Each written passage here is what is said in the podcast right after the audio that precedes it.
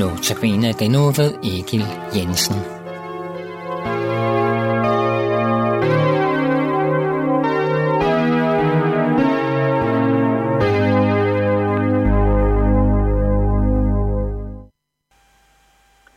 Jeg tror, vi alle sammen kender til nytårsfortsætter.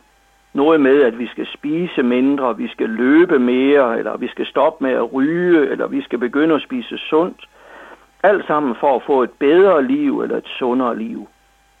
Vi ønsker at tage afsked med det, som giver dårlig livskvalitet på den korte eller lange bane, for i stedet at få et nyt liv, hvor jeg får større livskvalitet og måske bliver gladere, og måske får et større selvværd.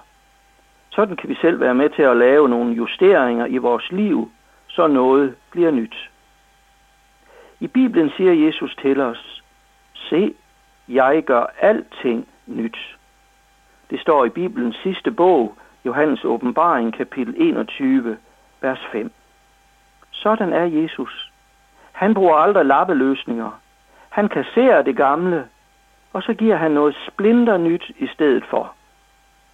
Når alting bliver nyt, er det den gamle jord, vi lever på, det handler om. Når Jesus gør alting nyt, betyder det, at så er den gamle jord her ikke mere. For Gud har skabt en ny jord. Og det vender vi så tilbage til. Mens vi lever på den gamle jord, skaber han noget nyt. Hør, hvad der står i 2. Korinther 5:17. Er nogen i Kristus, er han en ny skabning. Det gamle er forbi. Se, noget nyt er blevet til. Men hvad er det egentlig ordet her siger til os? Det siger, at noget, nogen er i Kristus, altså underforstået, at der er også nogen, der er uden for Kristus. Jamen, hvad betyder det at være i Kristus? Det betyder at tro på ham. Lad mig bruge et eksempel. Forestil dig, at du er gået ind i en kæmpe kontorbygning. Den er 13 etager høj. Du skal op til 11. etage. Du ser skiltet, hvorpå der står elevator. Du går hen til elevatoren i troen på, at den kan bringe dig fra stedet, hvor du står, og så op til 11. etage. Du trykker på knappen og knap, og snart går du ind i elevatoren, og den bærer dig til målet. At være i Kristus er at tro på ham, at han kan bære mig gennem livet og døden frem på den nye jord.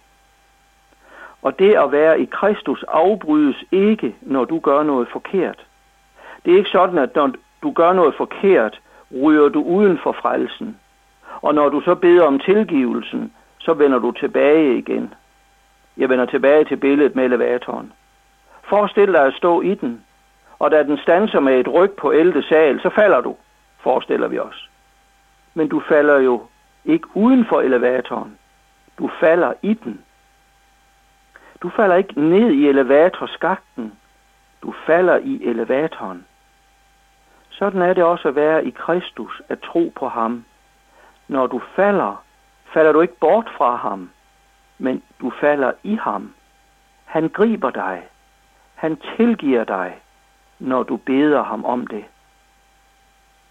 En dag, når dit liv når sin udløbsdato, der er det vigtigt, at dit liv er i ham, for han er opstandelsen og livet. Altså den eneste, der kan give evigt liv på den nye jord. Det modsatte er evig fortabelse borte fra Gud. Jesus sagde til hans disciple lige før sin døde opstandelse, at han ville gå bort for at gøre en bolig klar til dem, for hvor han var, skulle de også være. Og en dag lyder det, se, jeg gør alting nyt. Det er dagen, hvor alle, der har levet i troen på Jesus, får lov at komme med ind på den nye jord, hvor alt er godt, hvor alting er nyt. Det vil sige, at det gamle er slut.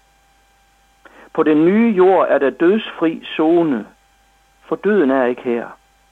Og dermed heller ikke de mærker, som døden sætter i livet her. Kære lytter, hørte du, at noget nyt kan blive til i dit liv, nemlig dit forhold til Jesus, og det liv og perspektiv, det giver. Hørte du ikke bare noget, men alting bliver nyt på den anden side død og grav, nemlig himlens herlighed på den nye jord.